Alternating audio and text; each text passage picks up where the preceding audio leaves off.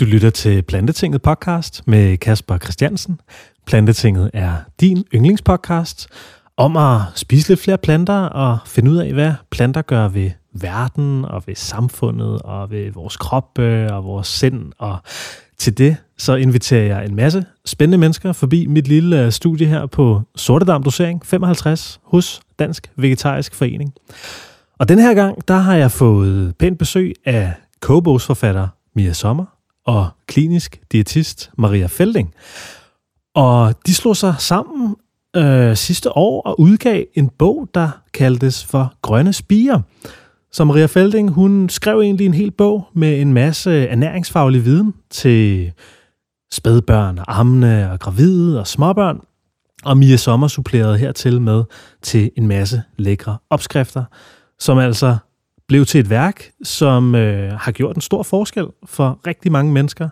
Og øh, det er sådan set det, vi skal snakke om i dag, i dagens podcast, hvor jeg sætter Mia og Maria i stævne omkring den her bog her, der blev udgivet for, det er ved at være lidt over et år siden. Øh, hvilke effekter den har haft. Hvad, hvad står der egentlig i den? Og øh, ja, vi hører en masse praktiske erfaringer, særligt fra Mia omkring veganske børn. Hvordan man gør det, hvordan man ammer, hvordan man er gravid og alt derimellem. Det er simpelthen det, vi, vi dykker ned i, og så får vi Marias faglige takes på, hvordan man giver plantebaseret kost til sine små poder på god, fornuftig, sund og forsvarlig vis. Og så, øh, ja, så laver vi nogle nedslag i løbet af podcasten i bogen, hvor vi snakker om nogle specifikke ting. Så du skal virkelig glæde dig. Det er virkelig, virkelig en treat. Jeg har længe, rigtig, rigtig længe glædet mig til at skulle lave den her podcast her, så det er, det er mega fedt. Så øh, jeg tror ikke, jeg vil snakke meget mere her. Øh, jeg vil bare lige sige, inden vi går i gang, Plantetinget er en del af Dansk Vegetarisk Forening. Det er mega fedt. Bliv medlem af Dansk Vegetarisk Forening. De arbejder benhårdt for at skabe et grønnere Danmark. De arbejder sammen med cateringfirmaer, kantiner og politikere og erhvervsliv om at få nogle flere planter ind i danskernes kost. Og øh, det synes jeg bare, du skal tjekke ud. Så smut ind på vegetarisk.dk. Ja, jeg vil klippe over til den samtale, jeg havde med Mia og Maria. Vi sidder her endnu en gang på Sortedam Dosering 55 hos Dansk Vegetarisk Forening, og jeg har fået mega fornemt besøg af, af to meget dygtige kvinder, der har lavet en hel masse virkelig fede virkelig nice, virkelig spændende ting de senere år. Og jeg er mega taknemmelig for at have jer med, fordi at øh, jeg har jo forsøgt at få jer med et stykke tid, og nu sker det endelig. Så øh, Maria Felding og Mia Sommer, velkommen i Plantetinget. Tak. Mange tak. Fedt at se jer her. Fedt, I gad komme. Og øh, ja, jeg tænkte bare, at vi... Øh, skulle hoppe ud i det, lige til at starte med. Stolen den knirker lidt, det går nok. Gør den. øh, kan I ikke lige starte med sådan at fortælle lidt om jer selv, og hvem I er, og hvad I laver til hverdag og sådan noget? Jeg tænker, Maria starter. Skal jeg starte? Okay. Øhm, jamen, jeg er klinisk diætist, og øh, mit arbejde er egentlig øh, at have patienter. Jeg er privatpraktiserende, jeg har øh, egen klinik, så jeg ser øh, patienter hver dag hele ugen egentlig omkring, øhm, ja, det kunne være folk, der gerne vil lægge om til en mere plantebaseret livsstil. Det kunne også være helt andre ting. Det kunne være en diabetiker, der har brug for hjælp. Eller, jeg kommer lige lidt tættere på mikrofonen her. Øhm, nogen med forhøjet blodtryk, eller vegansk spædbørnsernæring, eller hvad som helst øh, af ernæringsmæssige problematikker. Øh, ja, så holder jeg foredrag, skriver lidt bøger engang imellem.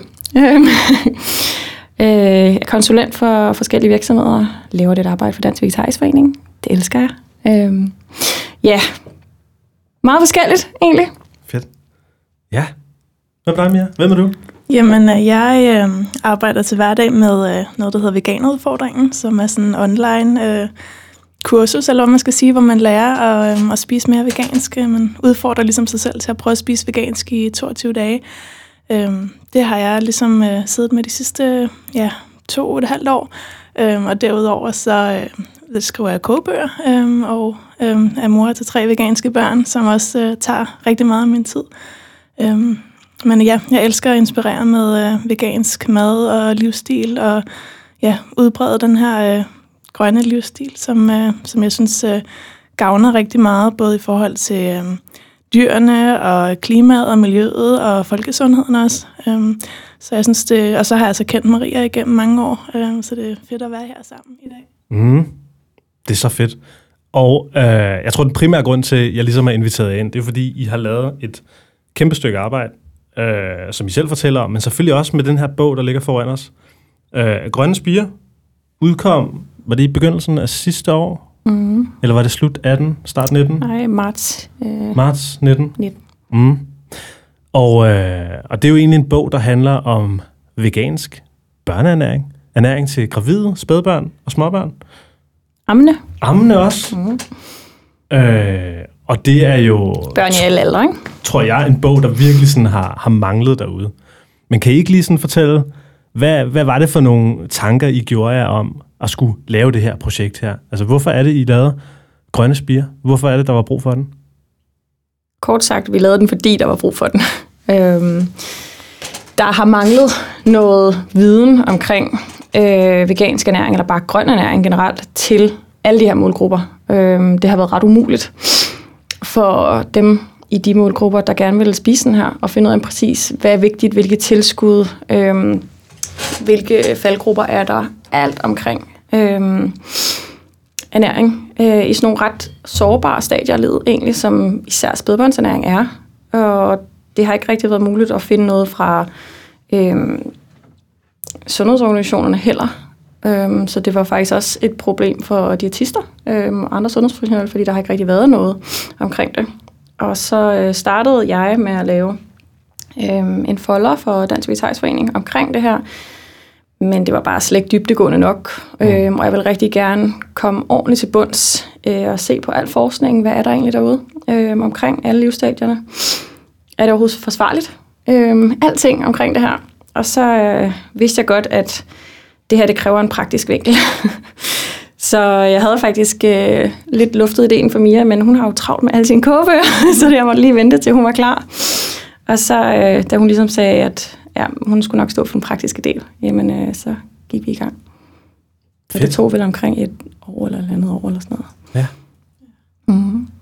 Så, så min øh, andel i bogen var at bidrage med nogle øh, børnevenlige, sunde opskrifter, øh, som var nemme at lave, og som øh, øhm, lever op til nogle så ikke, ernæringsmæssige krav. Så Maria gav mig en liste over, hvilke fødevarer hun især gerne ville have, at jeg skulle inkludere, og hvilke jeg skulle undlade i opskrifterne. Så det var en lidt anden måde at arbejde på for mig, end, end hvordan jeg normalt gør, når jeg laver opskrifter. Øhm, jeg tænker også normalt over, at det skal, det skal være sundt og, og have noget næringsværdi, men der er selvfølgelig endnu mere fokus på det i forbindelse med de her opskrifter, som jo øhm, ja, skulle passe til børn og, øhm, og, og gerne indeholde mange af de øhm, næringsstoffer, som der er ekstra meget behov for i det øh, stadie af livet. Mm. Så, øhm, så, og, og så havde jeg jo mine egne børn at teste opskrifterne af på, så det var jo altså, det fungerede super godt. Så kunne jeg jo se, hvad de godt kunne lide, og hvad jeg skulle gå videre med og sådan noget. Mm.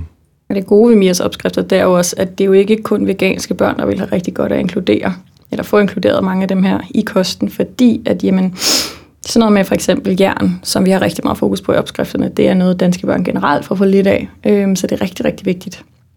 Jeg tror også, det er det, der er sådan øhm, noget, som jeg synes var rigtig interessant ved at skrive den her bog, at jamen, det er ikke kun for veganske børn, øh, at der er brug for mere fokus på, øh, hvilke fødevarer, der er vigtige, og hvilke fødevarer, der ikke er vigtige, eller øh, som små børn får for meget af. Øh, jeg synes generelt, at børneernæring er noget, der bliver overset lidt. Øh, især fordi, at vi har ikke de sundeste børn i Danmark, når det kommer til kosten. Så vi kunne virkelig have behov for lidt ekstra fokus på at få de grønne fødevarer ind.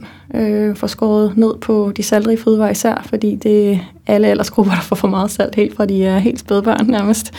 Mm. Øhm, så det var også lidt en, en øh, challenge ja, omkring det var en udfordring for mig. af opskrifterne. Ja, altså jeg laver normalt øh, opskrifter, både med fokus på, at det skal, det skal først og fremmest smage godt, og det skal også være sundt og sådan noget. Øhm, og jeg synes jo, en af de ting, der får maden til at smage godt og med til at fremhæve øh, smagen, er jo salt. Øhm, og det er jo noget, vi stort set alle sammen bruger i madlavningen. Øhm, med så udfordringen har været at lave nogle opskrifter, som ikke indeholdt salt, øh, men stadig smagte godt. Øh, og det er jo meget, som Maria siger, det er meget en, en tilvændingssag, at man kan faktisk vende sig til ikke at spise øh, salt, eller i hvert fald skrue ned for sit forbrug. Men, øh, men jeg har jo valgt til at lave mad til, til folk, der sådan, øh, har et moderat indtag af salt, så... Øh, så det var lidt en udfordring, øh, men det gælder også selvfølgelig om at skrue op for nogle andre krydderier og krydderurter og øh, ja, fødevarer, som indeholder meget smag. Øh. Og det er jo udfordringen ved en dansk kost, fordi vi ikke altså i gåsetegn nødt til at øh, bruge urter og sådan noget, fordi vi har salt, og så smager maden ligesom, fordi vi er vant til salt, så vi kan godt lide salt. Øh, men når man så ikke kan bruge det, så bliver man lidt tvunget til at komme ud i alle mulige andre smagstoffer. Så er det hvidløg, så er det ingefær, så er det urter, så er det krydderier. Der er simpelthen så meget, og når vi får dem i stedet for, ikke alene bliver vi ikke vant til salt, som ikke er særlig hensigtsmæssigt for os, hverken som små eller voksne, men alle de her andre former for smagsgiver, de har jo pludselig en masse sundhedsfremmende virkninger, eller de har i hvert fald rigtig mange sundhedsfremmende stoffer, øh, såsom alle de her plantestoffer, antioxidanter for eksempel. Øh, så det er lidt sådan the best of both worlds egentlig, at øh, vi kan vende børnene fra de helt små til at kunne lide kaj og ingefær og, og alle de her koriander. Ja. øhm, urter og sådan naturens smagstoffer. Øhm, fordi børn er ikke født med en smag for salt. Spædbørn er født med en smag for fedt og sukker, fordi det er det, modermælk smager af. Men lige så snart vi begynder at give dem levestejsmad og sådan noget, så vender de så hurtigt til, at salt, det er det, vi får, så det er det, vi begynder at stille og roligt at kunne lide. Så vi bestemmer lidt selv over, hvilke smagsløg øh, det er, vores børn får ved at udsætte dem for forskellige ting, og så vil det da være rigtig fint, hvis vi fra start af tænkte mere over, jamen lad os få nogle naturlige smagstoffer, lad os prøve at se, om vi kan slippe afsted med, at, øh, at der slet ikke er noget salt i kosten, fordi det behøver der ikke være til børn. Ja, jeg vil så sige, at øh, vi ikke stoppet med at bruge salt hjemme hos mig, øh, og mine børn kan stadig godt lide smagen af salt. Øh, det er jo derfor. Så men for mig handler det lidt om en, altså, en balancegang, eller sådan alt med måde, eller hvad man skal sige. Ikke? Øh, og jeg tror, at det, der betyder mest, er, hvad man gør det meste af tiden. Øh, så vi spiser jo også øh, sukker, is, kage, øh, salt osv., men, men altså det meste af det, vi spiser, er sundt. Øhm, og, det, og det er det, jeg synes, der er vigtigt øhm, i dagligdagen. Øhm, at huske på, at man, øh, ja, at man får en eller anden balance ind i sin kost. Øhm, mm. Ja. Mm. Og det, altså, det er jo noget, du har praktisk erfaring med, Mia. Ja. Du har jo små poder. Ja, øh, eller så små er de heller ikke mere. Øh, den ældste er 12, og øh, den mellemste er 7 år, og så den mindste er 6 år, så de går alle sammen i skole. Ja. Og de har spist vegansk hele deres liv? Ja, det har de. Mm. Øhm, og det, øhm, for mig var det jo meget naturligt, at de skulle spise vegansk, fordi jeg blev selv øh, veganer for 15 år siden, så, så dengang at jeg besluttede mig for at børn, var jeg jo allerede veganer, og jeg var ikke i tvivl om, at, øh, at det var det rigtige valg øh, for mig, men også øh, i forhold til sådan etiske overvejelser omkring dyrene og miljøet, og så havde jeg læst meget om ernæring, øh, og, og var ikke i tvivl om, at det også var en sund måde at leve på, øh, hvis man ellers sætter sig lidt ind i, hvad der er, der er godt at spise. Mm. Så for mig var det naturligt, at mine børn også skulle øh, være veganere. Øhm, og det fik mig selvfølgelig også til at ja, læse op på, hvad er det, der er vigtigt at huske på osv. Men der var ikke så meget øh, viden tilgængelig på det tidspunkt. Øh, og øh, altså, jeg, jeg fandt lidt øh, rundt omkring på nettet og i ja, udenlandske bøger og sådan noget. Øh, men sådan rigtig viden tilgængelig på dansk, det, det var lidt svært. Så man kan sige, øh, den her bog, som øh, Maria har lavet, og som jeg har lavet opskrifter til, det er i høj grad en bog, som jeg selv ville ønske, jeg havde haft, dengang jeg besluttede mig for at få børn. Øhm, så, så derfor så tænker jeg, at den kommer til at kunne hjælpe øh, rigtig mange øh, familier fremover, som øh, ikke selv behøver at lave så meget researcharbejde, men de kan finde øh, det, de har brug for at vide i bogen. Ja. Og har det så hjulpet? Altså har det virket? Hvad er det for nogle sådan, reaktioner, I har fået på den her bog her? Jamen, at folk øh, virker glade for den, øh, og, og der er mange, der henviser, øh, når der er nogen, der skriver på, på Facebook øh, et eller andet hjælp. Jeg, jeg skal til at min, jeg, jeg vil gerne vide, hvad mine børn skal, skal have at spise, og hvad der er vigtigt at huske på og sådan noget. Så der er jo rigtig ofte nogen, der henviser til bogen. Mm. Så den fungerer lidt som sådan et opslagsværk. Ja, sådan lidt en lettelse for folk, i stedet for at de skal sidde og rive sig selv i håret over, jamen hvad gør vi her? Ja. Øhm, må vi overhovedet øhm, lade være at give vores børn kød? Øhm, fordi Sundhedsstyrelsen anbefaler jo ikke, at øh, man giver sine små børn vegansk kost. Øhm, og så er det jo rigtig ubehageligt at stå alene med det. Øhm, og når de har sådan en bog her, hvor at, altså, der er jo er over 600 referencer i, så det er jo, den er virkelig ikke skrevet på en formiddag. Jeg har virkelig prøvet at gå i dybden med, hvorfor det er Sundhedsstyrelsen anbefaler, som de gør. Hvad man, hvordan man ligesom oversætter det til vegansk, hvis de ikke skal have kød, hvad er det, der er vigtigt i kød. Øhm, alt det er rigtig ubehageligt at stå med alene. Mm. Øhm, mm. Men når man når man læser den her bog, så kan man ligesom bedre forstå rationalet bag de officielle anbefalinger. Okay, men hvad handler det om? Handler det om, at børnene skal have kød? Eller det handler det om, at de skal have nogle næringsstoffer, der findes i kød, men faktisk også i andre ting? Jamen, det er jo det sidste. Øhm, og så ved man godt, jamen okay, hvis vi sørger for, at vi bliver dækket ind på andre måder, jamen så er det ikke nødvendigt, at de skal have kød fra 6 måneder, for eksempel. Øhm, så jeg tror, det har været sådan lidt... Øhm, en stor lettelse. Ja. Det kan være svært at gå imod strømmen, ikke? fordi mm. at øhm, når man vælger at opfostre sine børn vegansk, så, så træder man jo uden for flertallet, øhm, og, og man er nødt til at, at sætte sig lidt mere ind i tingene, fordi man ved også, at man kommer til at øh, støde på en masse kritiske spørgsmål. Og man kan sige, det oplevede jeg jo især dengang for 12 år siden, da jeg fik min øh, første søn, øh, hvor at, øh, jeg kendte ikke nogen andre, øh, der havde gennemgået en vegansk graviditet, eller havde veganske spædbørn, eller noget af den stil. Og selvfølgelig var min familie bekymret for, hvordan det skulle komme til at gå mit barn, øh, fordi at øh, de tænkte, at han ville måske blive fejlernæret eller et eller andet. Og jeg kan også huske, at min øh, onkel sagde til mig, at øh, han regnede ikke med, at barnet ville komme til at leve, til det blev 10 år.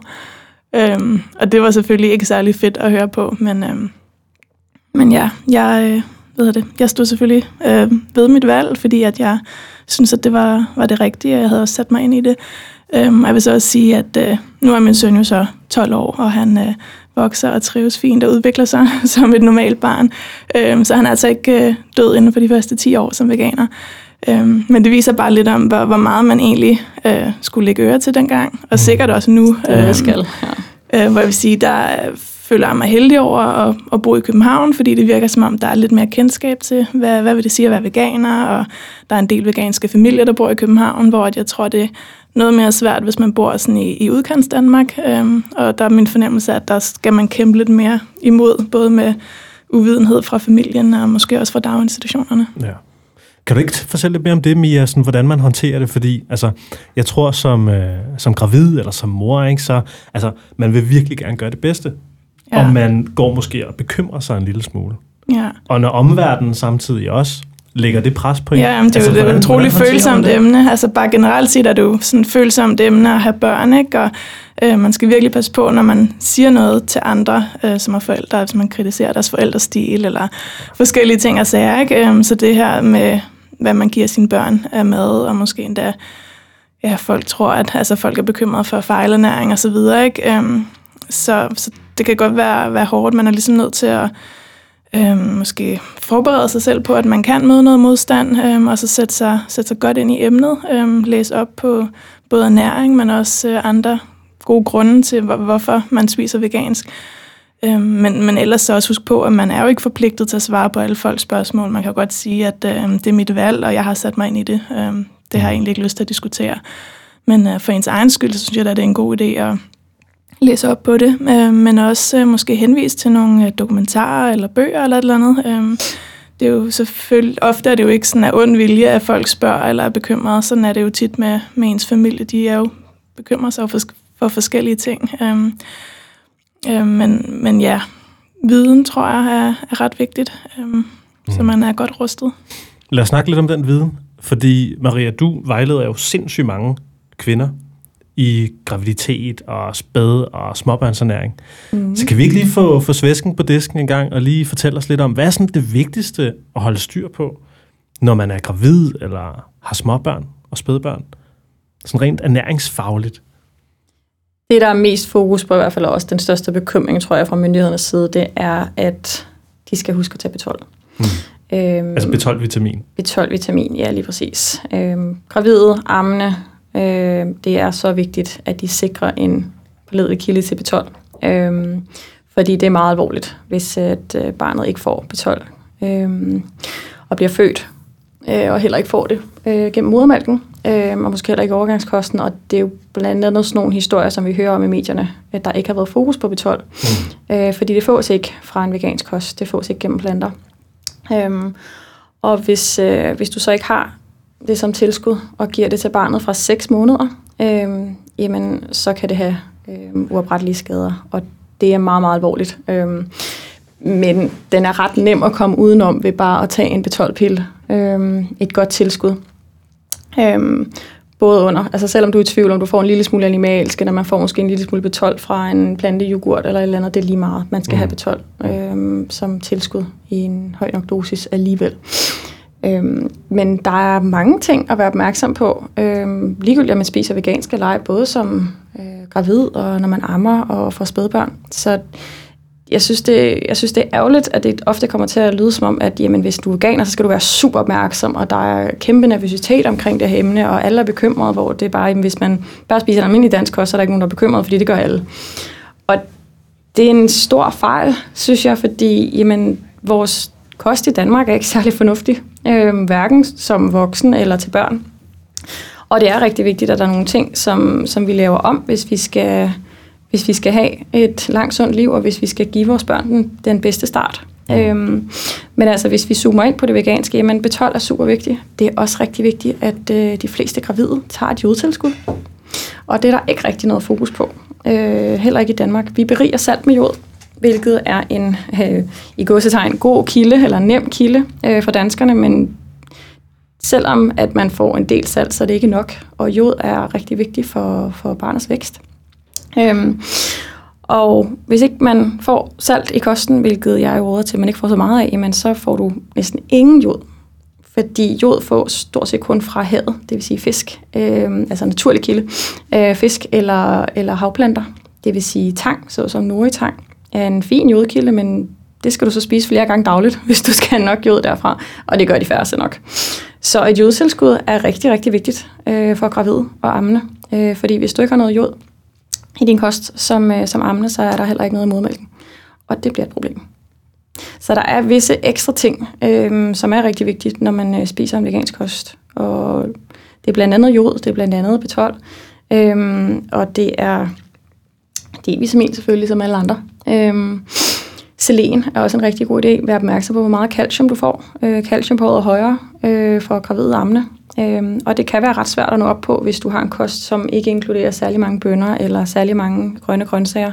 Øhm, så kan det godt være relevant med et tilskud også, og det vil det nok være for de fleste. Øhm, en plantemælk med calcium er også et rigtig vigtigt valg. At man aldrig tager en calcium, øh, eller en ikke calciumberiget plantemælk. Øhm, det er et nemt ekstra lille tilskud, hvis man alligevel bruger en sojamælk, som er en rigtig god idé, øh, at den indeholder calcium. Så der, der er mange ting, øh, men det vigtigste vil 100% være et B12-tilskud. Mm. Fedt. Fedt. Og de her kontroversielle historier her, altså nu, hvis man kigger i Grønne Spire, bogen her, så skriver jeg også om det, at øh, for eksempel hvis man skriver vegansk baby på øh, Google, så, så kommer der alle mulige, øh, jeg vil ikke sige alle mulige, men der kommer enkelte ret vilde historier op på øh, tabloidmedierne omkring øh, spædbørn, der er blevet fejlerne og alle mulige andre uhyggelige, uhyggelige ting. Øh, kan I prøve at fortælle mig lidt om det? Altså, hvordan er det, I adresserer det i den her bog her, og hvordan øh, forholder man sig til det, når man som, øh, som mor går på Google og, og prøver at finde information og bliver mødt af de her skrækeksempler her? Jeg vil sige, det er i hvert fald ikke særlig øh, fedt, når ens øh, venner eller familie øh, nævner de her eksempler og sådan øh, er bange for, at det måske kommer til at overgå deres egne øh, børnebørn osv.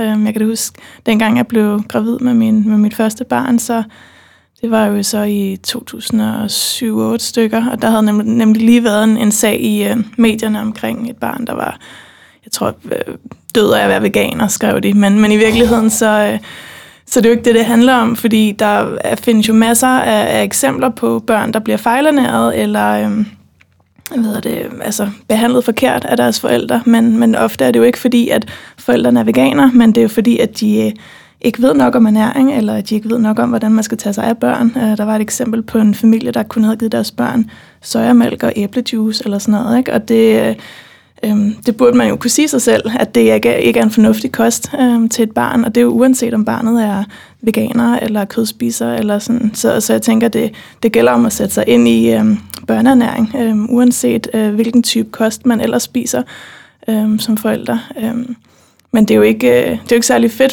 for, for andre fornuftige veganske familier, fordi at det er jo med til at skabe sådan en tvivl omkring øh, det at fostre sine børn vegansk. Øh, Øh, og, det er jo nogle meget, meget få eksempler ud af, hvor mange øh, der egentlig spiser på den her måde, og hvor det fungerer rigtig godt. Øh, så altså, jeg tænker, man skal tage det med grænsalt. Altså pressen kan jo godt lide at puste nogle historier op, som der måske ikke er så meget hold i i virkeligheden. Mm. Øhm, det er i hvert fald sådan, jeg, jeg tænker omkring det, men det, det er bare synd for de familier, der så skal bruge ekstra energi på at forsvare sig over for deres omgivelser, fordi at øh, medierne har, har gjort det her til en skidt ting. Ja, den der historie fra 2007, den kom også, da jeg lige var startet på dit til studiet. Ja. øhm, og i forvejen så var folk jo meget negative øhm, over for, at at jeg gerne vil være diætist, og at jeg var veganer. Bare sådan, hvordan har du nogensinde tænkt dig at få nogle klienter, det giver ikke nogen mening, bla bla bla. Øhm, og så kom der en historie, og så vendte alles øjne sig ligesom mod mig, som om det var sådan mit ansvar, at det her barn øhm, faktisk var, var død af den her øjne veganske kost. Øhm, og jeg skulle ligesom forsvare, hvordan, at, øhm, hvordan det kunne være rigtigt, at jeg nu spiste vegansk, når nu det kunne gå så galt. Øhm, og det er simpelthen så ærgerligt, fordi alle læser overskriften, ingen læser, hvad det rent faktisk handlede om. Men ja, det er den historie fra Belgien, hvor at øh, barnet havde fået æblejuice og sojamælk. Og om det så havde fået æblejuice og komælk, var det stadig gået helt galt. Fordi det, og det var, barnet var øh, 6 uger gammelt, da, da den her historie kom frem, eller da, øh, da det døde af det. Øhm, så man kan sige, om det så havde fået komælk, jamen det havde nok ikke gjort en stor forskel, øh, fordi det er bestemt en meget, meget upassende øh, kost, fordi at barnet burde udelukkende have fået modermælk eller modermælkserstatning. Og der kommer sådan jævnligt de her historier. Øh, fælles er, at ingen af dem har været noget nær en fornuftig vegansk kost. Øh, der har manglet tilskud. Det har enten været ingen modermælk eller udelukkende modermælk til barnet omkring et år. øh, stadig uden tilskud, og så kommer der altså nogle problemer eller at forældrene har selvdiagnostiseret det her barn med en eller anden glutenallergi og givet dem quinoa-mælk øh, og givet dem alt muligt mælk, i stedet for modermælk, vel at mærke. Og så går det altså galt, men det er jo fuldstændig underordnet, om barnet havde fået en lille smule komælk. Det er stadig ikke en passende øh, børnekost. Men der det, der er en eller anden interesse i at fremhæve noget negativt omkring det hele det veganske. Især når det er blevet så populært, så det er den her kontrovers, der skal være i medierne hele tiden. Øhm, og, og det, det skaber overskrifter Det skaber overskrifter, ramaskrig, og så kan vi sidde og diskutere det, og så kommer veganerne på banen og antiveganerne på banen, og altså, der kan ikke kommenteres nok på sådan nogle opslag. Øhm, og det er rigtig, rigtig ærgerligt, fordi det er ikke kun... Øhm, lægemænd, der læser det her, det er bestemt der er sundhedsprofessionelle. Øhm, og det påvirker jo også både læger og diætister mm. inden for faget, fordi det er det her, vi hører om. Vi hører ikke en historie om Mias børn. Det er, jo, altså, det er jo ikke interessant. Jamen, det gik fint, fået vegansk kost hele livet. Hvad, hvad er der af nyhedshistorie i det?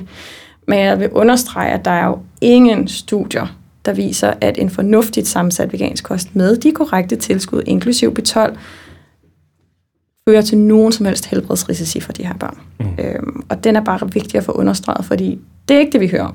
Og hvis det var tilfældet, så ville lande, så som ja, bare Danmark, så vil altså, Sundhedsstyrelsen jo fraråde det med store udråbstegn, og det gør de ikke. De anbefaler det ikke, men det er ikke det samme som at fraråde det. Mm.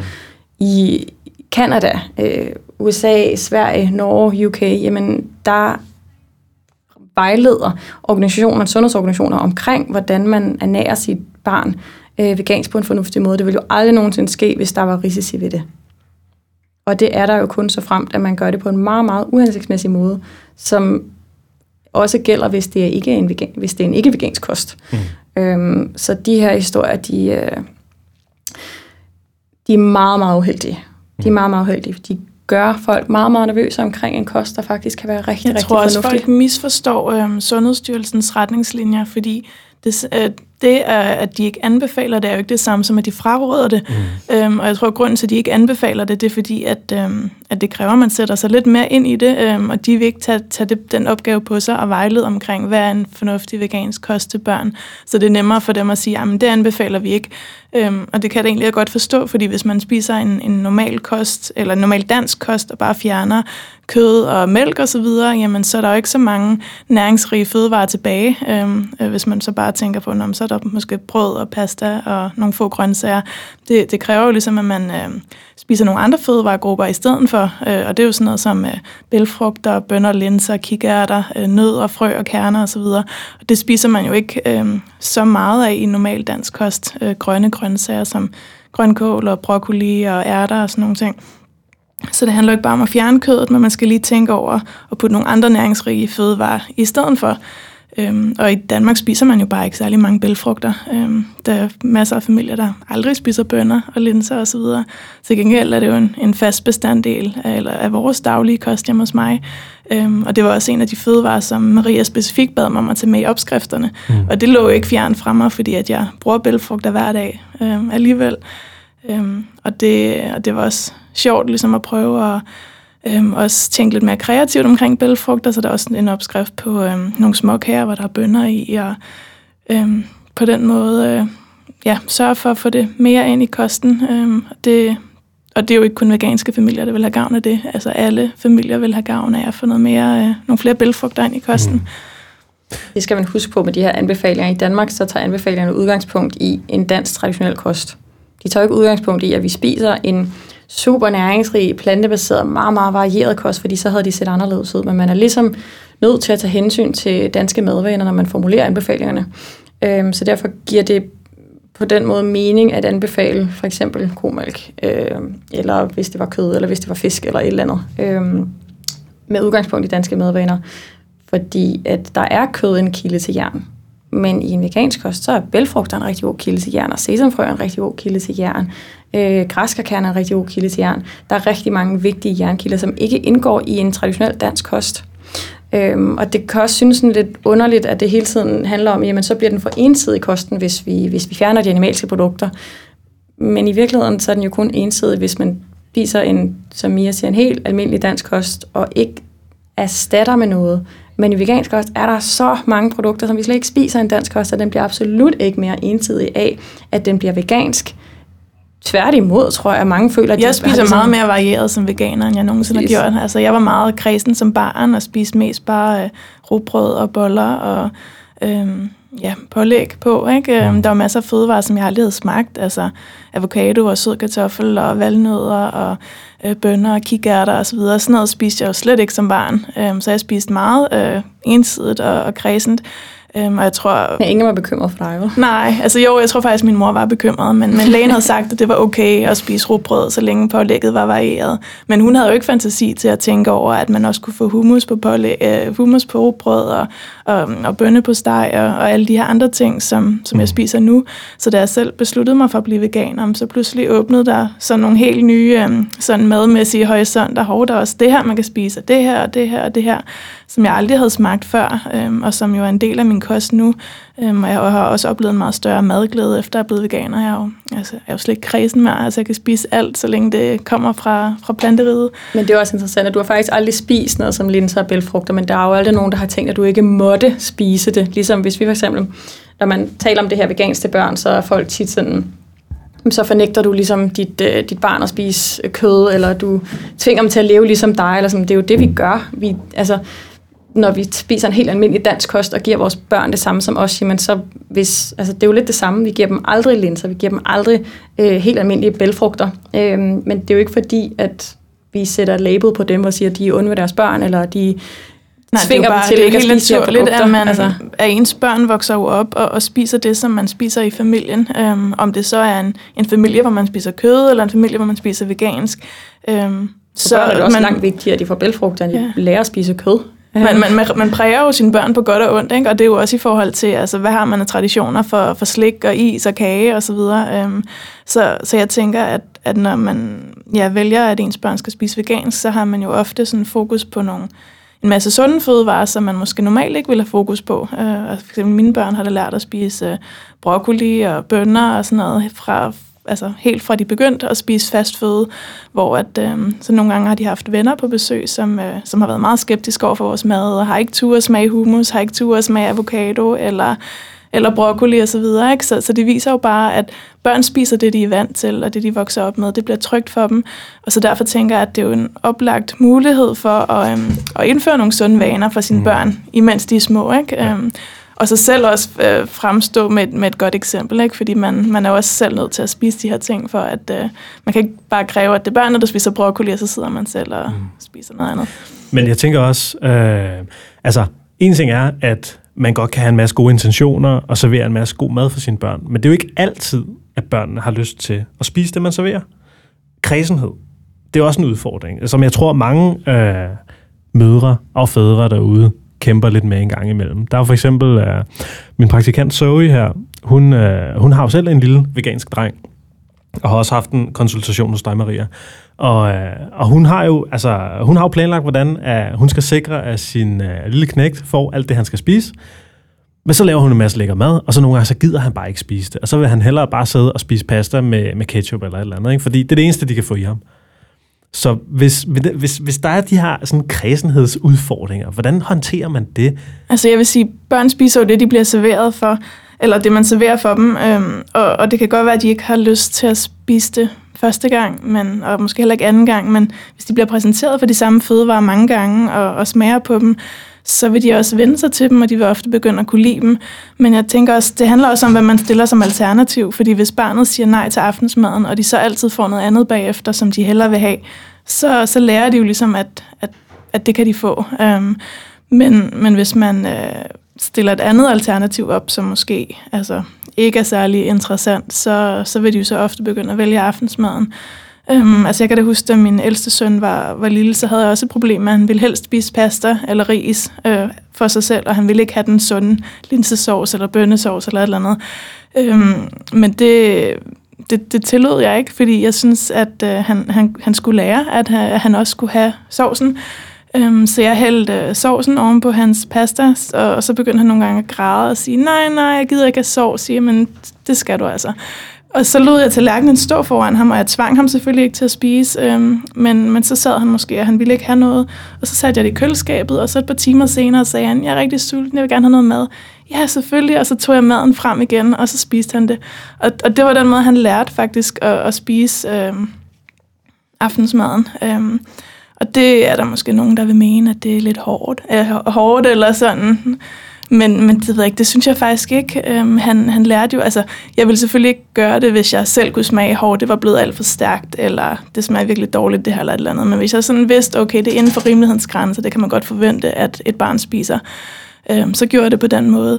Øhm, og han, og han er jo 12 år nu, og han er, spiser jo alt, hvad jeg serverer for ham. Han, er, spiser, han spiser store portioner, han nærmest lige så meget som en voksen mand, og han kan lide alt det mad, jeg laver, så han er blevet sådan virkelig god til at spise, og jeg tænker også, det hænger sammen med, at jeg øh, håndterede det på den måde, da han var lille. Fordi hvis jeg bare havde sagt, at det er okay, så bare spis pastaen, så havde han jo bare lært at spise kun pasta, eller kun ris, eller kun råbrødsmadder. Øhm, så det var i hvert fald sådan, jeg har håndteret det i, i forhold til ham. Ikke? Øhm, mm. Men hvis man synes, at det måske er, er lige hårdt nok, eller et eller andet, så kan man måske tilbyde en råbrødsmad senere. Men, men en virkelig kedelig mad, måske bare en mad kun med plantesmør, eller et eller andet, Øhm, fordi så tænker jeg, at så, så vil børnene hen ad vejen få lyst til at spise noget andet. Øhm. Okay. Så man skal bruge nogle opdragelsesmæssige knep til ligesom at få det sunde mad i sine unger? Ja det, ja, det synes jeg i hvert fald. Og så ellers bare blive ved med at præsentere dem for, for maden, øhm, eller for de fødevarer øh, igen og igen, og så vil de vende sig til dem. Men ellers også inddrage dem i madlavningen, og så nogle gange... Øh, eller ofte smager maden i bedre, når de selv har været med til at lave den. Ikke? Øhm, så, så de er meget mere øh, investeret i det at have lavet maden, og hvis de har været med til at lave en linsesovs, så selv rører de gryden, og selv har hakket øh, gulerødderne og, og så videre, så har de meget mere lyst til at spise det, end hvis det er bare noget, jeg har lavet for eksempel. Mm. Jeg synes, man skal passe på med at komme, altså lægge for meget fokus på alt det på tallerkenen, som barnet ikke har lyst til at spise, fordi det bliver typisk en dårlig oplevelse for barnet, at Forældrene kan også blive meget bekymrede, de spiser slet ikke broccoli og sådan men det er jo lige meget, om de lige spiser broccoli den måned. Altså børn har det med at skifte, så er det den ene fødevare, de gider, så er det den næste fødevare, de gider. Øhm, og især som veganer, fordi man hører så mange ting, jamen, så bliver man meget nervøs, Og jamen, hvis de ikke får broccoli, så får de ikke den og den og den næringsstof, Og det sådan, jamen, der er jo de næringsstoffer i næsten alle fødevarene. Så det er ikke så vigtigt med den her ene grøntsag. Øhm, så jeg vil virkelig passe på ikke at, at gøre måltid til sådan en kamp, men bare tænke, jamen ja, ja, så lad de være at spise det, så spiser lidt mindre varieret i en periode, det går nok. Øhm, og så prøve at se, om de kan være, de, hvis den bare altid er på tallerkenen i forskellige former, så er den bagt, og så er den stegt, og så er den alt muligt andet. Øhm, jamen bare gør det normalt, at der bare er de her forskellige fødevarer. Om de så får spist dem alle sammen, det er ikke det vigtigste. Mm. Øhm. Jeg har faktisk et tip i forhold til det. Øhm, jeg blendede ofte maden, da mine øh, børn var, var mindre.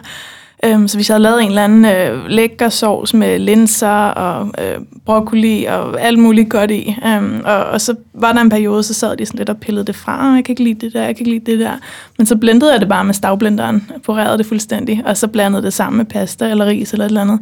Og så, så kunne de jo ikke pille noget fra, så fik de det hele. Øhm, og jeg ved godt, at man siger, at børn ofte ikke kan lide mad, der er sammenblandet. Øhm, men det ved jeg ikke. Jeg, jeg tror, det handler om vagen, øh, fordi det var ikke et problem hjemme hos mig i hvert fald. Mm. Gode tips. Gode tips. Mega gode tips. Så det, øh, det håber jeg i hvert fald, folk derude synes er, er sådan relativt fyldeskørende. Ja. Øh, der er det her med, med, vi snakkede før om Sundhedsstyrelsen, det her med, at Sundhedsstyrelsen er kommet med de her tre anbefalinger til, hvordan at øh, man skal give sine børn. Ikke? Det står således det der med, at de skal ammes, eller anvendes modermærkserstatning, animalsk eller baseret på sojaproteinisolater, som minimum indtil barnet er fyldt to år. Øh, så skal der tages tilskud af B12-vitamin, og så bør man søge rådgivning hos en autoriseret klinisk diætist. Øh, nogle af fagfolkene bag Sundhedsstyrelsens vejledning har udtalt, at de mener, at de fleste forældre godt kan finde ud af det, men at de er meget bekymrede for den 1% af veganere, som ikke formår at give det rigtige tilskud, og en øvrigt dækkende kost. Øh, ja. Hvordan, er, hvordan sikrer man sig, at den her ene procent af veganerne, der sidder derude og måske ikke har sat sig så meget ind i det, hvordan, hvordan når man dem med den viden her? Jeg synes, det er så vigtigt, at der kommer mere oplysning sammen. Altså materiale. Øhm, at som absolut minimum, at sundhedsplejersker, alle sundhedsplejersker, øhm, informerer om det her. Fordi jeg har en del patienter, hvor at, øhm, de har fortalt, de er veganer, og det er helt fair, at sundhedsplejersken siger, at det ved jeg ikke noget for. Jeg håber virkelig, du søger råd hos en klinisk diætist.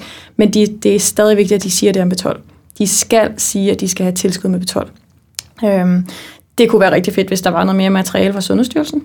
Øhm, jeg vil sige, de råd, øhm, som bliver givet, det, det, er dem, det er det, som sundhedspersonalet skal vejlede om.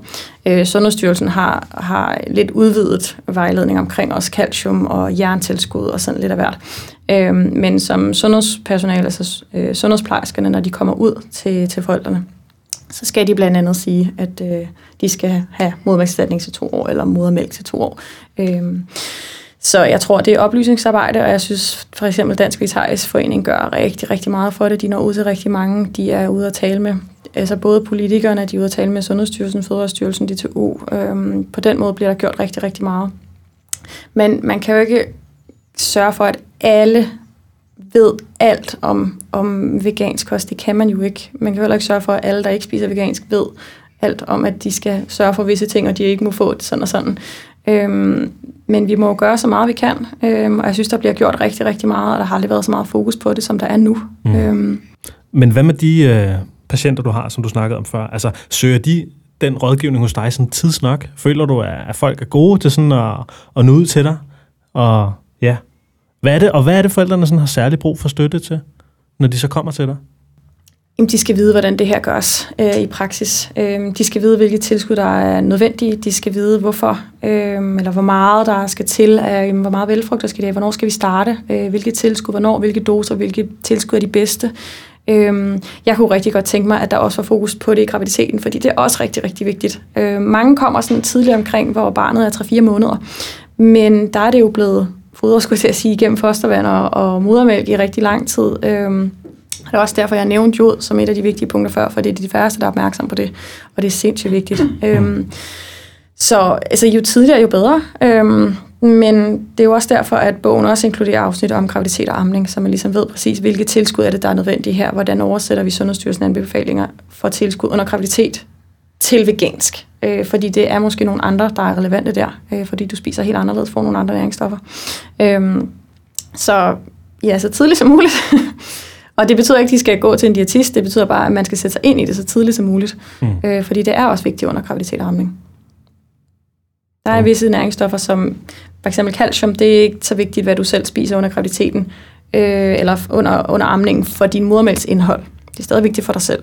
Øh, men sådan noget som selen og jod og D-vitamin og B12, det indholdet i modermælk er helt afhængig af din kost. Så hvis du mangler, så mangler det også i modermælken.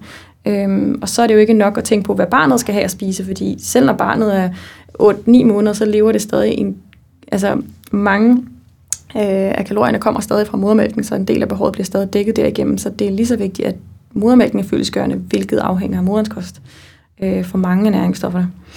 Så det, jeg vil ikke sige, det er optimalt tidsnok, øh, at sætte sig ind i det, når barnet skal til at have overgangskost. Mm. Så lad os snakke lidt om det der amning der, fordi jeg ikke, det er ikke noget, jeg selv har erfaring med, men det tænker jeg, du har Jeg har meget med. erfaring med amning. Mm. Øhm, jamen, øh, Og det er jo også, jeg tror også, det for mange kvinder og mødre derude, kan være en udfordring med amning. Jamen, så først og fremmest vil jeg anbefale, at man læser en bog om amning, øh, imens man er gravid, sådan, så man øh, er godt, øh, altså har en god baggrundsviden øh, og en god selvtillid omkring det. Øh, da jeg var gravid første gang, så læste jeg en bog, der hed Alt om amning, øh, og på det tidspunkt, så, øh, så sugede jeg bare til mig al den viden, jeg kunne få. Øh, jeg læste om hjemmefødsler, jeg læste om amning, jeg læste om alt muligt. Øhm, og den bog, den gav mig bare sådan en virkelig godt øh, fundament i forhold til, at øh, altså, jeg fik en tiltro til, at selvfølgelig kan jeg amme, når jeg får et barn, fordi øh, det var også meget det, der øh, bogen lagde op til, at øh, som udgangspunkt, så kan øh, kvinder godt amme, medmindre de har nogle fysiologiske ting, men det er ikke altså, ret tit, at det er tilfældet.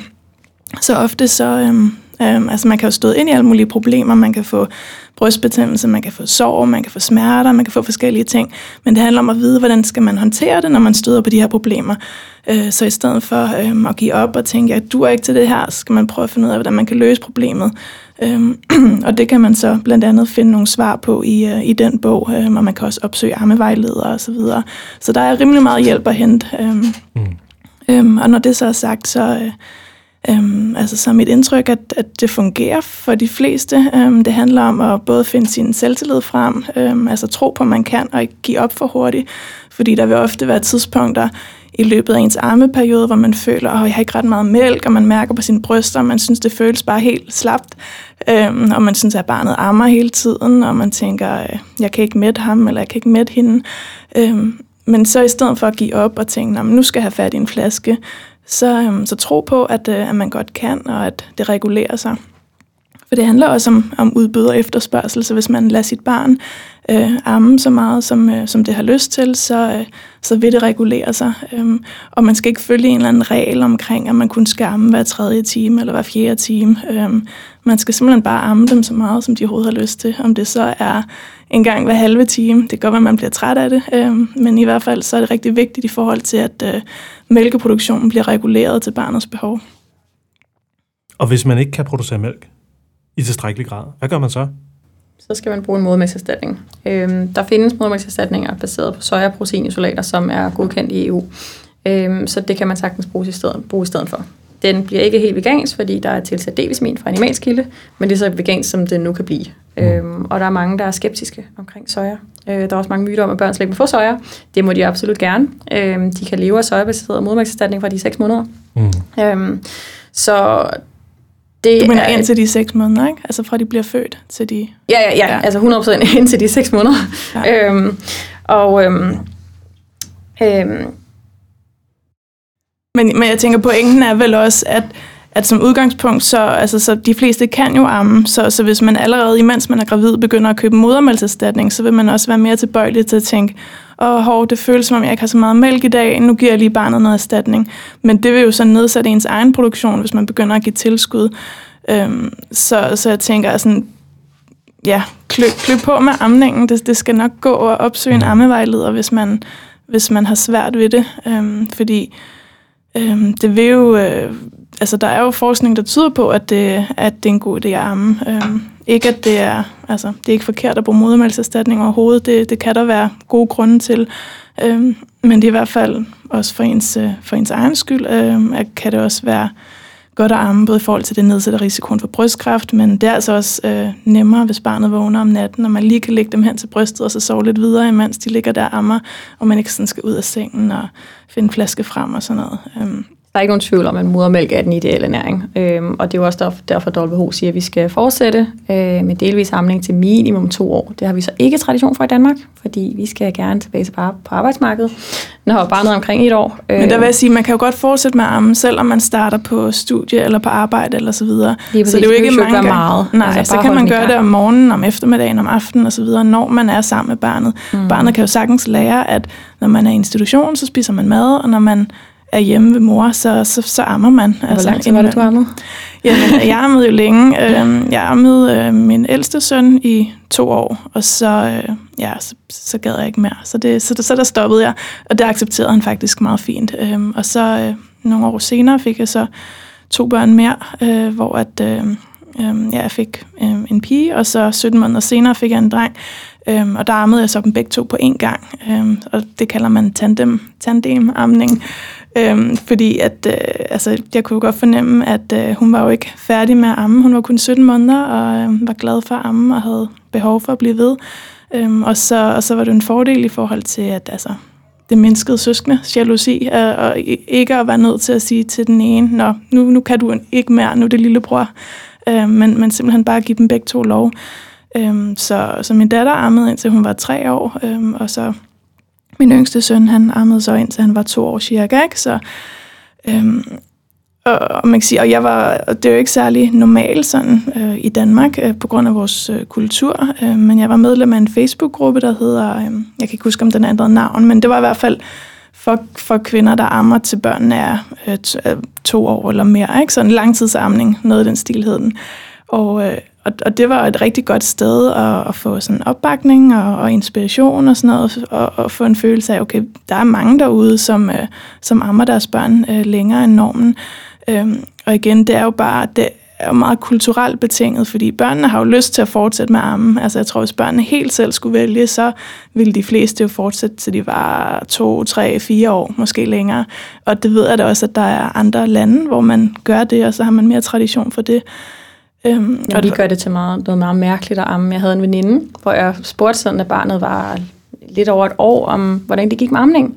Og så kiggede hun som om jeg var sindssyg. Sådan, hvad tænk, amning, jeg ammer da ikke stadig, det ville da være overgreb. Og var sådan helt, wow, altså det, det, sådan, det var sådan så unaturligt i hendes hoved at amme til mere, end man absolut skulle, fordi Sundhedsstyrelsens anbefalinger bliver lidt hørt som, når vi behøver, det er ikke nødvendigt mere efter 12 måneder. Ja, de siger jo egentlig bare minimum 12 måneder. Ja, lige præcis. Og WHO siger minimum to år, fordi de tager ikke hensyn til danske traditioner og hvad der er normalt at gøre i Danmark. Øhm, så det, altså optimalt, jamen, så er det da, at man ammer i meget længere tid, end vi gør i Danmark. Det er bare så underligt for os at gøre her. Vi føler, at det er ikke nødvendigt, og barnet får ligesom, det nu får det mad, eller nok mad, så det er lige meget. Ja, men man kan øhm. sige, at amningen handler jo så heller ikke kun om mad. Det er jo også øhm, tryghed for barnet, øhm, og, og ja, nærvær, omsorg osv., og, øhm, og jeg synes da, at man, altså så længe i hvert fald begge parter trives med det, så længe barnet gerne vil, og så længe moren også har det fint med det, så synes jeg da bare, at man skal fortsætte og lade være med at, at ligge under for, øhm, for de normer og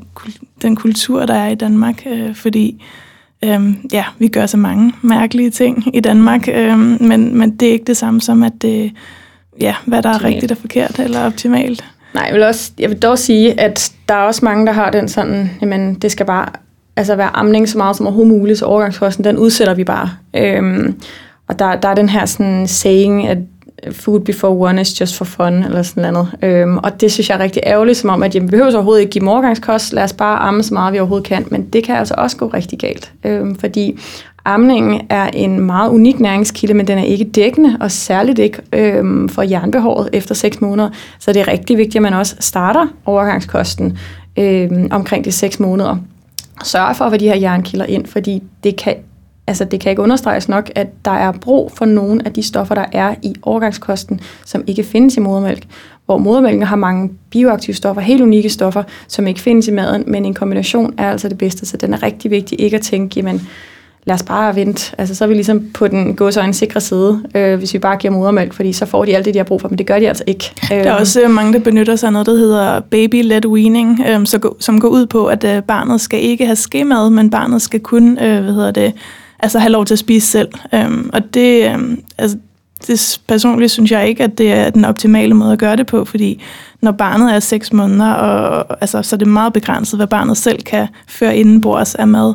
Øhm, så jeg vil sige, jeg har selv benyttet mig af en kombination. Altså jeg har givet dem mos og grød og så videre, som har været meget øh, næringsrig.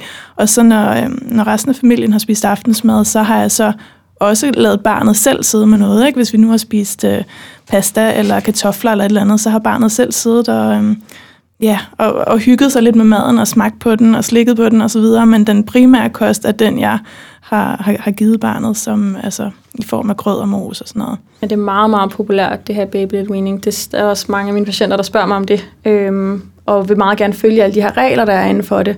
Jeg må sige, jeg er meget imod at følge et regelsæt, når vi har med børn at gøre, fordi noget, der fungerer i familie, fungerer ikke i en anden familie. Øhm, og der er det også rigtig vigtigt, at man lader sit barn at kende, og det, de behov, og hvor god det er til at, at øh, gumle maden, og ligesom, øh, hvor hurtigt det er, altså, den her udvikling går. Øhm, og forskning omkring baby weaning, altså man kan sige, det, der er svært, det er, at det problematikken er, jamen, det er, det kan være rigtig svært at få nok især jern, øhm, men også kalorier, når de er så små og skal tykke sig igennem, hvilket de jo ikke rigtig kan.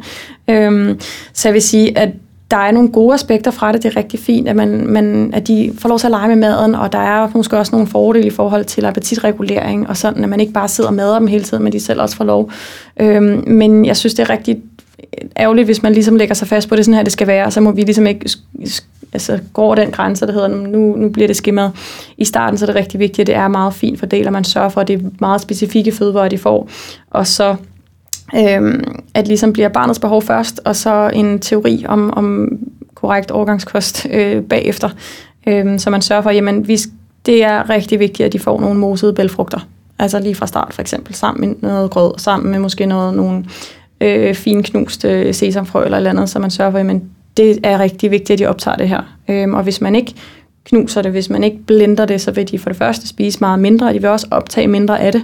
Hvis du giver dem hele sesamfrø, jamen så ender de jo i blæen, og så kan det være fuldstændig ligegyldigt, når de endelig har spist noget, så vil vi gerne have, at de rent faktisk optager det, fordi at der er visse næringsstoffer, som er ret kritiske i starten.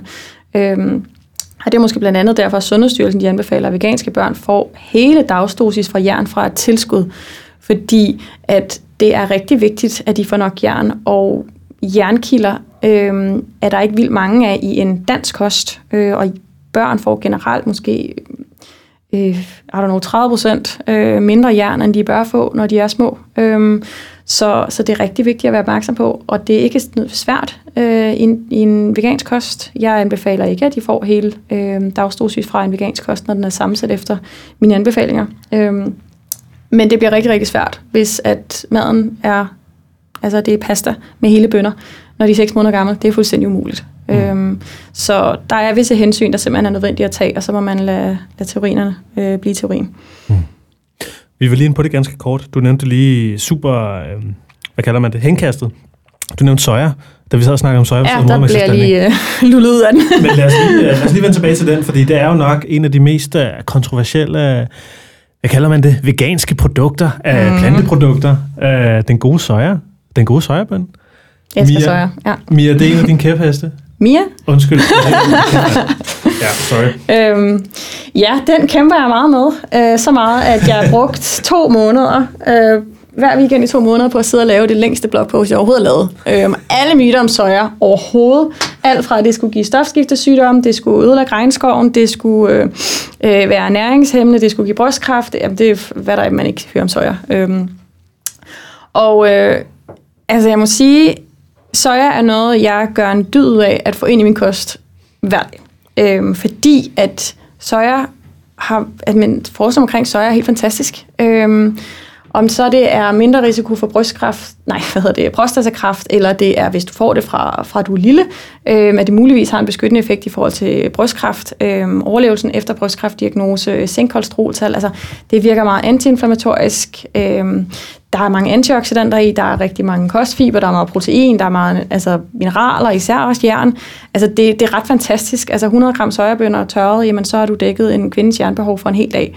Øhm, og kvinder får generelt alt for lidt jern. Øhm, så sojabønnen er ret fantastisk, og det eneste, man hører om den, det er, at den skulle give brystkræft, og den skulle give stofskiftesygdom, og altså, det er en ret forfærdelig myte, eller myter, øhm, og også det her med spædbørn, at de får allergi af det, eller at de ikke må få det overhovedet. Øhm, der er ikke hold i noget af det, og jeg går ind i, i meget detaljer, både på min hjemmeside, øh, men også i bogen har jeg lavet et ret øh, omfattende afsnit om soja, især omkring øh, sojabaseret modmærkserstatning, fordi det bliver også spurgt meget om til, når jeg holder foredrag øh, for sundhedsplejersker og sådan noget omkring øh, vegansk spædbørnsernæring. Øh, fordi der er de her planteøstrogener i soja. Øh, en type af de planteøstrogener øh, ligner øh, kemisk øh, det kvindelige kønshormon lidt. Øh, og det er jo nok til, at man bliver rigtig nervøs, og det er jo klart, selvfølgelig gør man det. Øhm, men det forskning viser er, at det er måske en af fordelene ved soja, øhm, at det har de her planteøstrogener, fordi det muligvis kan virke beskyttende over for nogle sygdomme. Øhm, og hvor med alting er, jamen når forskningen stadig viser, at der kun er fordele ved at inkludere soja, jamen så kan du være lidt ligegyldig øh, med de her enkelte stoffer. Om det så øh, skulle vise sig at indeholde bly eller et eller andet, jamen det er jo stadig sundhedsfremmende, så må det jo have så mange gode stoffer, at det kommenterer på resten. Øhm, og det har soja ikke.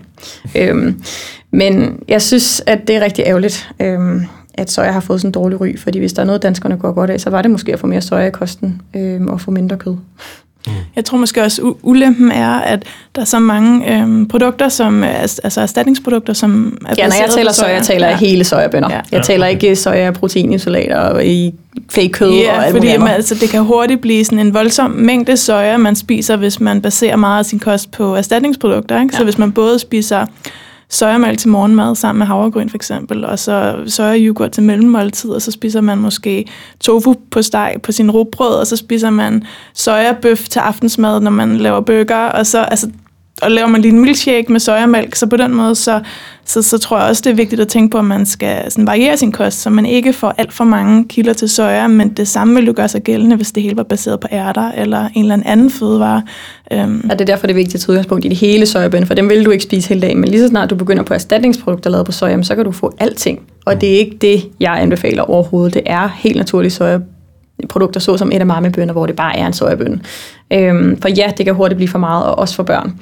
Øhm, og meget specifikt omkring de yngste børn, øhm, der anbefaler jeg faktisk ikke, at de får tørrede sojabønner, eller de får sojamælk, eller de får sojayoghurt, men det har ikke noget med soja at gøre. Det er fordi sojabønnen er så exceptionelt proteinholdig. Der er næsten dobbelt så meget protein i sojabønner, som der er i hvide bønner eller kikærter, og det er alt for meget for små børn.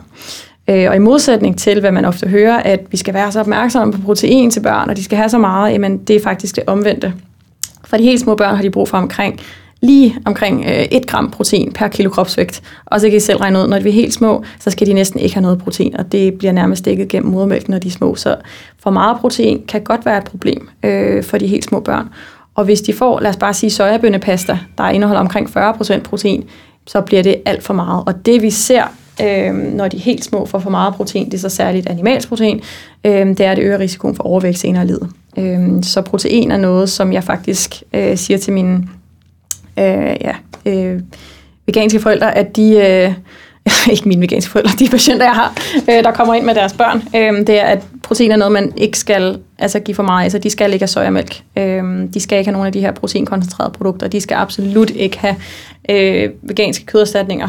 Øh, både fordi der er for meget protein, men også fordi, at der er for meget salt i, og så fordi de er super næringsfattige. Mm. Øh, så soja er en ret fantastisk øh, bælfrugt, øh, men der er bare visse grupper, hvor at, jamen, det skal ikke gives for meget til helt små, og man skal passe på, at man ikke tror, at soja øh, udelukkende sundt, hvis det bare står soja på produktet, fordi så kan det bare være lavet på sojaprotein. Mm. Og så har vi ligesom fjernet mange af de gode stoffer og opkoncentreret proteinet. Mm. Øhm, og så kan det slet ikke måle sig med de hele sojabønner. Mm. Lad os snakke lidt om nogle opskrifter. Fordi, Mia, mm. du er jo uh, kobogsforfatter af Guds nåde. Ja. og du har en masse virkelig lækre opskrifter i den der grønne tak. spire der. Og jeg tænker for de forældre, der sidder derude og lytter med til den her podcast her, og tænker, hvad pokker skal jeg proppe i mine øh, børn, som er nemt og sundt og hurtigt og lækkert?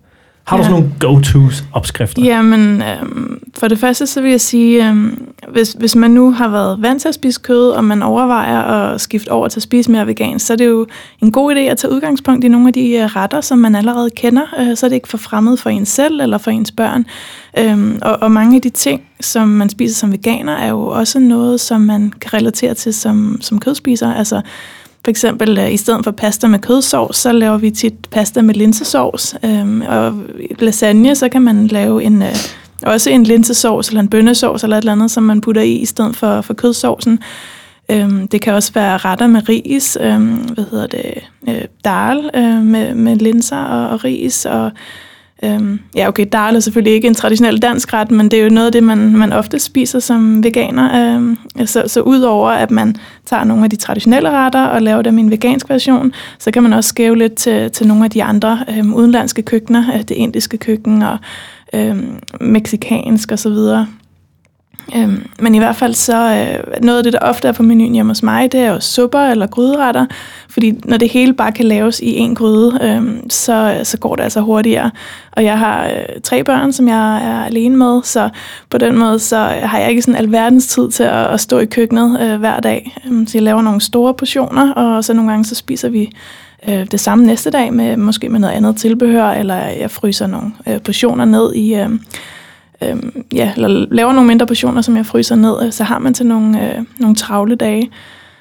Øh, ja, så, så, så det, jeg tror, det handler om at, at finde nogle... Øh, finde nogle favoritter i sin hverdag, som man kan lave igen og igen, øh, og ikke hele tiden skulle nytænke sig selv, fordi de fleste mennesker, som har en travl hverdag, de laver måske de samme 5-10 retter igen og igen i løbet af måneden, øh, og jeg tænker, at hvis man øh, gør det samme som veganer, så, øhm, så på, på et tidspunkt begynder det at køre lidt på automatpilot, og man skal ikke sådan hele tiden overveje, øhm, hvad man nu skal spise og sådan noget. Mm. Smoothies?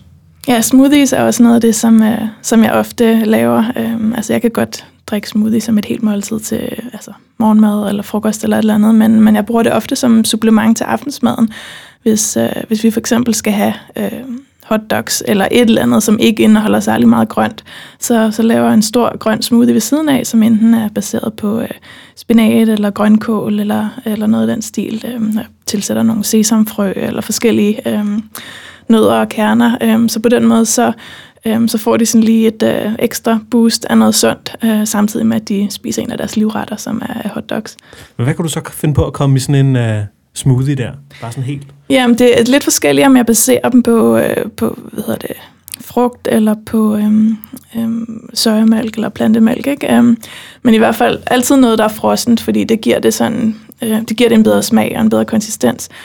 Øhm, men ellers, øh, det kunne være øh, sojamælk og banan og frosne jordbær og nogle hørfrø eller sesamfrø, øh, eller nogle klumper af spinat eller grønkål. Øh, det er, man, kan, man kan putte mange ting i smoothier. Øhm, også ting, som man ikke lige umiddelbart vil øh, forestille sig. Altså for eksempel bønner kan jeg også godt finde på at putte i. Hvis jeg lige har en, en rest af kogte hvide øh, bønner eller sorte bønner. For eksempel øh, i bogen har jeg en opskrift på øh, smoothie med øh, sorte bønner og blåbær og kan ikke huske, om der også er sojamælk i, men, men i hvert fald så, øh, så tænker man måske, at det er lidt mærkeligt at putte bønner i smoothie, men det er jo ikke så meget anderledes, end at man for eksempel drikker en sojamælk. Det er jo også bønner, der er blendet med vand og tilsat lidt forskellige ting. Um, så der er mange måder, man kan gøre en smoothie mere næringsrig og fyldesgørende, øh, så man faktisk kan bruge den som et helt måltid. Øh, men altså, selvfølgelig, smagen skal jo øh, først og fremmest være hjemme, så børnene gider drikke det, og så man også selv gider drikke det.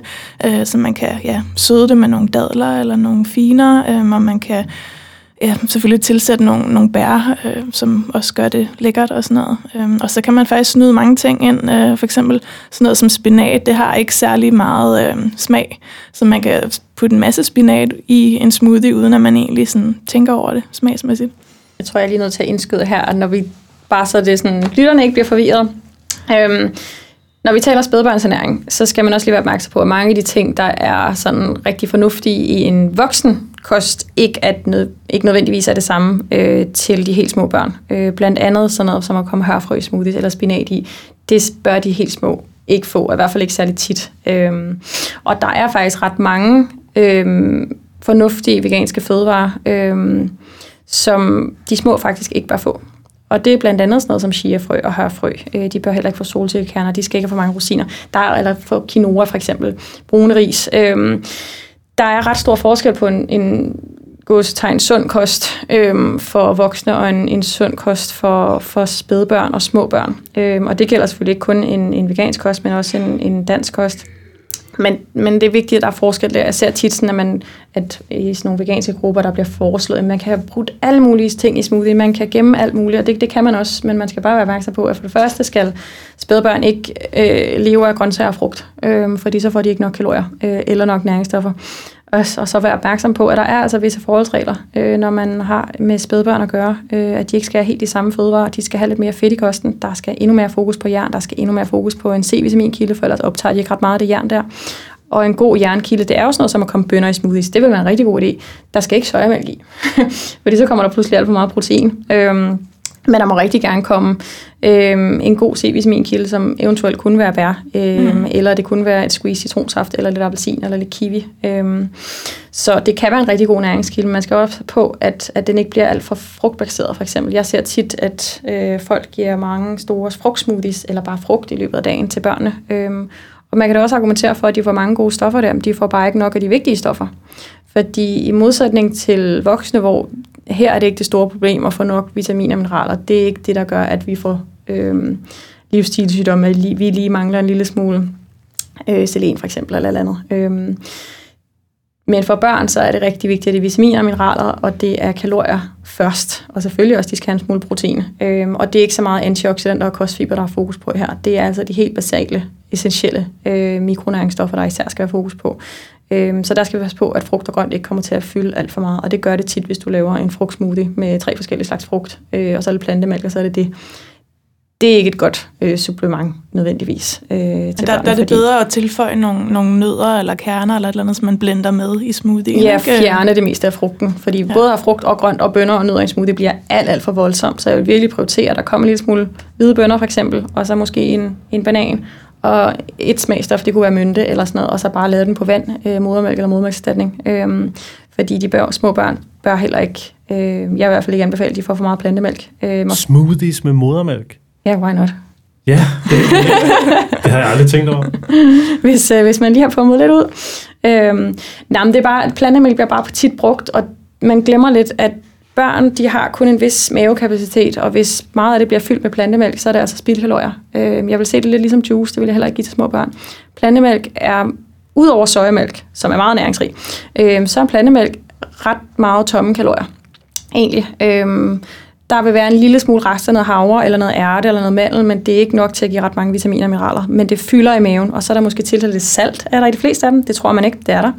Øhm, hvis de får om 3 dl dagligt, så kan de få dækket en 25 procent af deres saltbehov, øhm, og det er alt for meget. Det er rigtig meget. Øhm, og i forvejen får små børn tit for meget salt, så det er også noget, man skal være opmærksom på.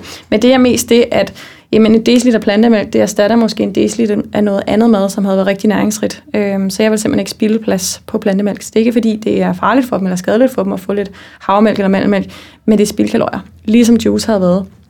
Øhm, så, så hellere vand egentlig, at de ikke vender sig til, at de skal drikke blandemælk. Og så fra 12 måneder, så er det fint med en, sådan en deciliter, øh, måske sojamælk om dagen. Og især nogle af dem, det skal være en, der er beriget med calcium, og gerne en af dem, øh, som er beriget med B2-vitamin også, vil være en rigtig god idé. Og jeg mener B2 og ikke B12, for det skal de have som tilskud alligevel. Øhm, så det er bare vigtigt at lige være opmærksom på, øh, at der er nogle forskel på, øh, hvad der er en rigtig god kost for voksne veganere og, og de helt små veganere. Øhm, og derfor har jeg også lavet et langt afsnit bag i bogen, øh, alt, hvor der er sådan et FAQ-afsnit, så man ligesom kan få svar på alle sine spørgsmål omkring øh, spiger og urter og superfoods og alt om chiafrø og harfrø og bør de spise økologisk. Ja, det gør de. Øhm, alle sådan nogle ting, fordi det kan være, det kan være en ret sådan, uoverskuelig øh, at sætte sig ind i det hele. Øh, så der er også nogle oversigter i bogen, hvor det ligesom, dem kan du bare printe ud, hænge op, hvad bør de få, hvor meget, hvilke er de mest næringsrige bønder, øh, og der er især fokus på zink og calcium og jern, øh, hvilke er de mest næringsrige øh, grøntsager, hvilke øh, ekstra øh, fødevarer er rigtig gode at få ind i kosten, hvor meget, hvilke tilskud, alting.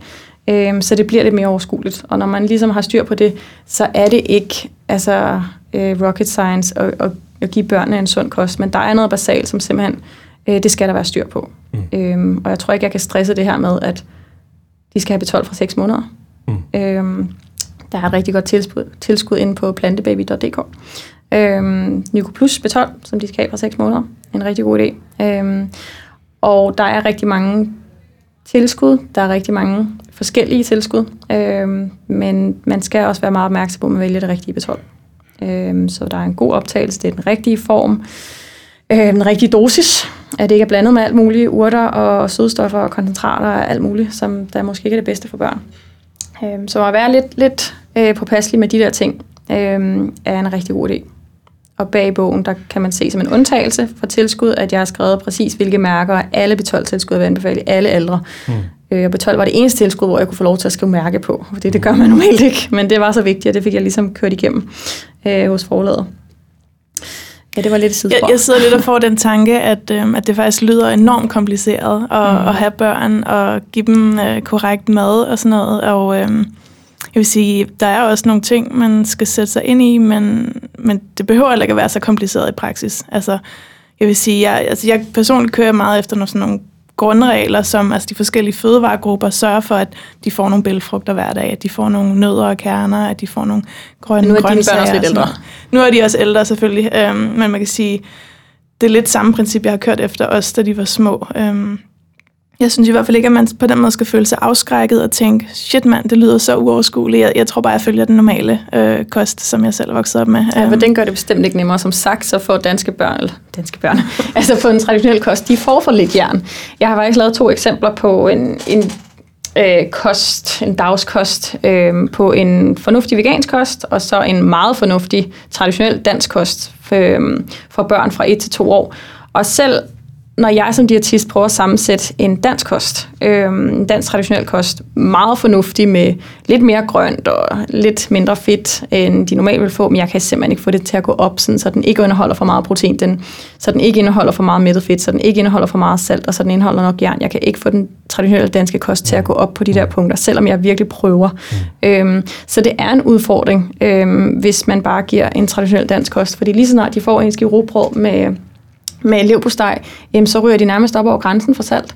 Øhm, så det, den er altså den er en udfordring. Øhm, så ja, jeg synes, der er mange punkter, jeg, eller der er mange punkter, som jeg synes, man skal være opmærksom på, men det er ikke fordi, at det betyder, at det er vildt besværligt, men det er bare lige, at man sætter sig lidt ind i det for nogle grundprincipper på plads. Øhm, og ligesom begynder at sige, men så tager vi bønderne ind, vi fjerner saltet, vi øh, laver en hjemmelavet hummus, så den ikke indeholder øh, 30% olie øh, og altså over 1% salt. Mm. Øhm, det er der ikke nogen grund til, at vi laver den hjemmefra. Og når man får styr på de her basale ting, og måske endda forbereder sig lidt inden barnet øhm, af 6 måneder, så betyder det ikke, at det vil kræve vildt meget overskud. Men der er bare nogle ting, der er rigtig være, vigtige at være opmærksom på fra start. Fordi det er heller ikke ligegyldigt, hvilke kerner du for eksempel vælger.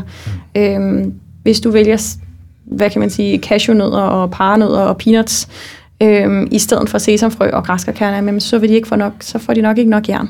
Øhm, fordi meget specifikt udvælger jeg, det er også det, som øh, jeg har skrevet på listen til Mias opskrifter, at det skal altså være de her meget specifikke, meget jernholdige kerner, der meget gerne må indgå øh, dagligt fra 6 måneder, fordi jamen, så er det meget nemmere at sørge for, at de får nok jern. Og hvis man bare har det som en vane, men det er bare de her, vi bruger. Vi blender en hel pose fra start øh, med de hvide sesamfrø og de helt almindelige græskarkerner, og måske de hvide hampefrø. Øh, jamen så er det nemt nok lige at tage en teskefuld i grøden og en teskefuld i, i mosen, øhm, og så har vi det på plads.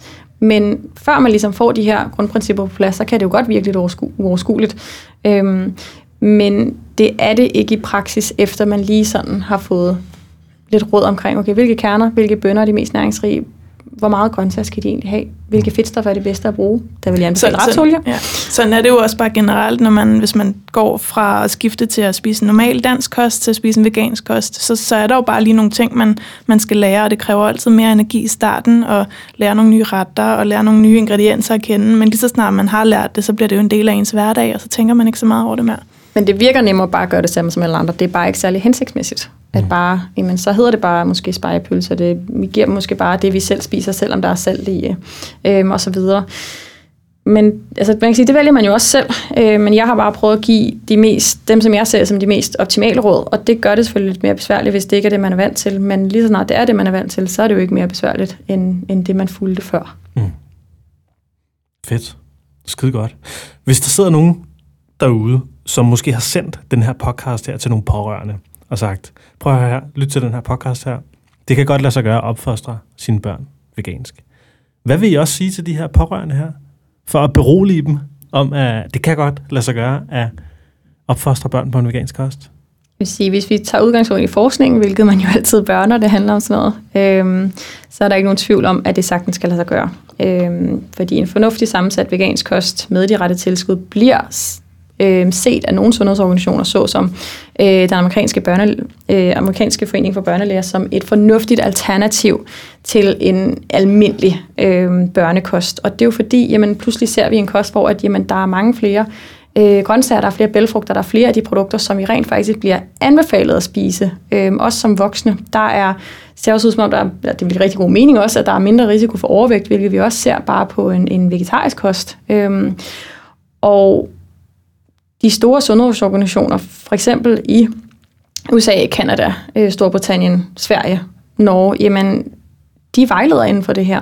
Øhm, og det ville de jo aldrig gøre, hvis ikke at det var en forsvarlig kost. Og når man har styr på de mest basale ting, øh, og man øh, giver dem de rette tilskud, jamen så pludselig har man at gøre med en rigtig, rigtig fornuftig kost, som bestemt kan anbefales. Fedt. Har I noget, I sådan, uh, sidder I tænker er ved at brænde ind med? Fordi jeg tror også lige så stille, vi skal til at lukke ned for dagens program. Vi har været i gang i knap en time og kvarter, tror jeg, der er gået nu.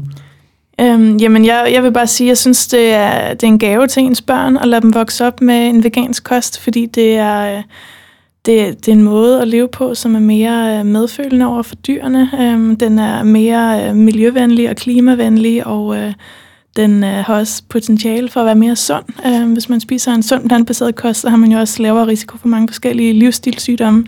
Så det er bare rigtig godt at få nogle grønne vaner ind fra starten af. Altså, der er jo ikke nogen tvivl om, at der er behov for, at vi alle sammen øh, spiser mere grønt. Der bliver spist alt for meget kød i Danmark. Og, og folk synes, det er mega svært, fordi de har vokset op på en bestemt kost øh, øh, hele deres liv. Og det er svært at ændre sine vaner, eller det kan være svært, når man er, er voksen og måske oppe i årene og sådan noget.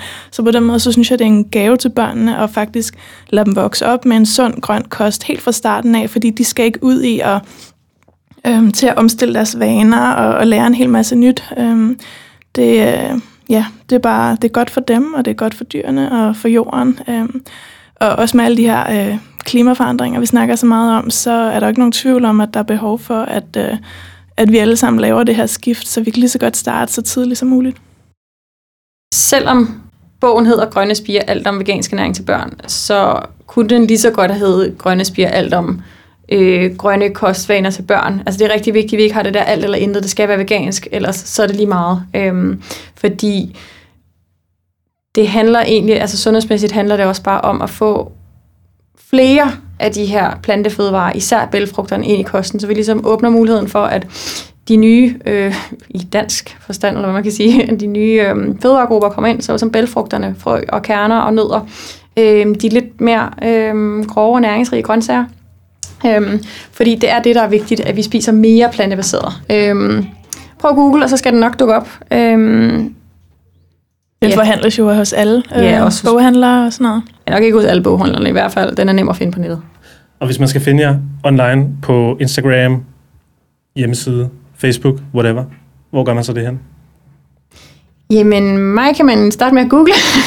øh, ej, min hjemmeside, den hedder diatist, diaetist, øh, felding.dk. Min Facebook-side hedder klinisk diatist Maria Felding, og min Instagram hedder diaetist Felding, tror jeg nok. Ja, man kan jo egentlig bare søge på navnet, så kommer ja, det frem. Ja. Ikke? Øhm, og det samme med mig i forhold til uh, min hjemmeside hedder bare miasommer.dk, og så inde på Instagram hedder miasommer uh, vegan, så der kan man også bare søge på mit navn, uh, så kommer jeg frem. Og ellers så vil jeg opfordre til, at, uh, at man melder sig til veganudfordringen, hvis man er nysgerrig på den her grønne kost og gerne vil lære noget mere. Der får man i hvert fald uh, alt den information man har brug for, og øh, Maria er jo udfordringens øh, diætist, så øh, der har vi et rigtig godt øh, samarbejde, og vi vil jo gerne sikre, at folk øh, får den viden, som de har behov for, os ernæringsmæssigt og rent praktisk. Hvordan gør man, når man vil lære at lave vegansk mad? Det er det, det handler om. Tusind tak, fordi I ville være med i uh, det seneste afsnit af podcasten. Tak, fordi vi måtte. Og øh, ja, tak fordi du lyttede med. Jeg håber, du synes, det var en fed podcast. Jeg håber, du kan lide det. Du er meget velkommen til at give podcasten et like inde på Facebook. Følg os på Instagram. Giv os nogle stjerner ind på iTunes, eller hvor du end følger det. Du er også velkommen til at donere lidt til podcasten, sådan så vi kan få det til at løbe rundt inde på tier.app. Der er en masse søde mennesker, der donerer penge til podcasten, og vi trækker faktisk lod hver måned mellem alle dem, der donerer penge til podcasten. Og jeg har lige lavet en aftale med Mia om, at de nyeste Bog? Ja, jeg har en ny øh, kogebog på vej, øh, så jeg tænker, det ville da være oplagt som en øh, lille præmie til, øh, til dem, der donerer. Mm, helt sikkert. Og øh, så det gør vi, så i slutningen af måneden, så trækker vi altså lod mellem alle dem, der støtter plantetinget. Så tusind tak til jer. Udover det, så håber jeg bare, at I får en fantastisk dejlig dag. Kan du have det godt? Hej hej.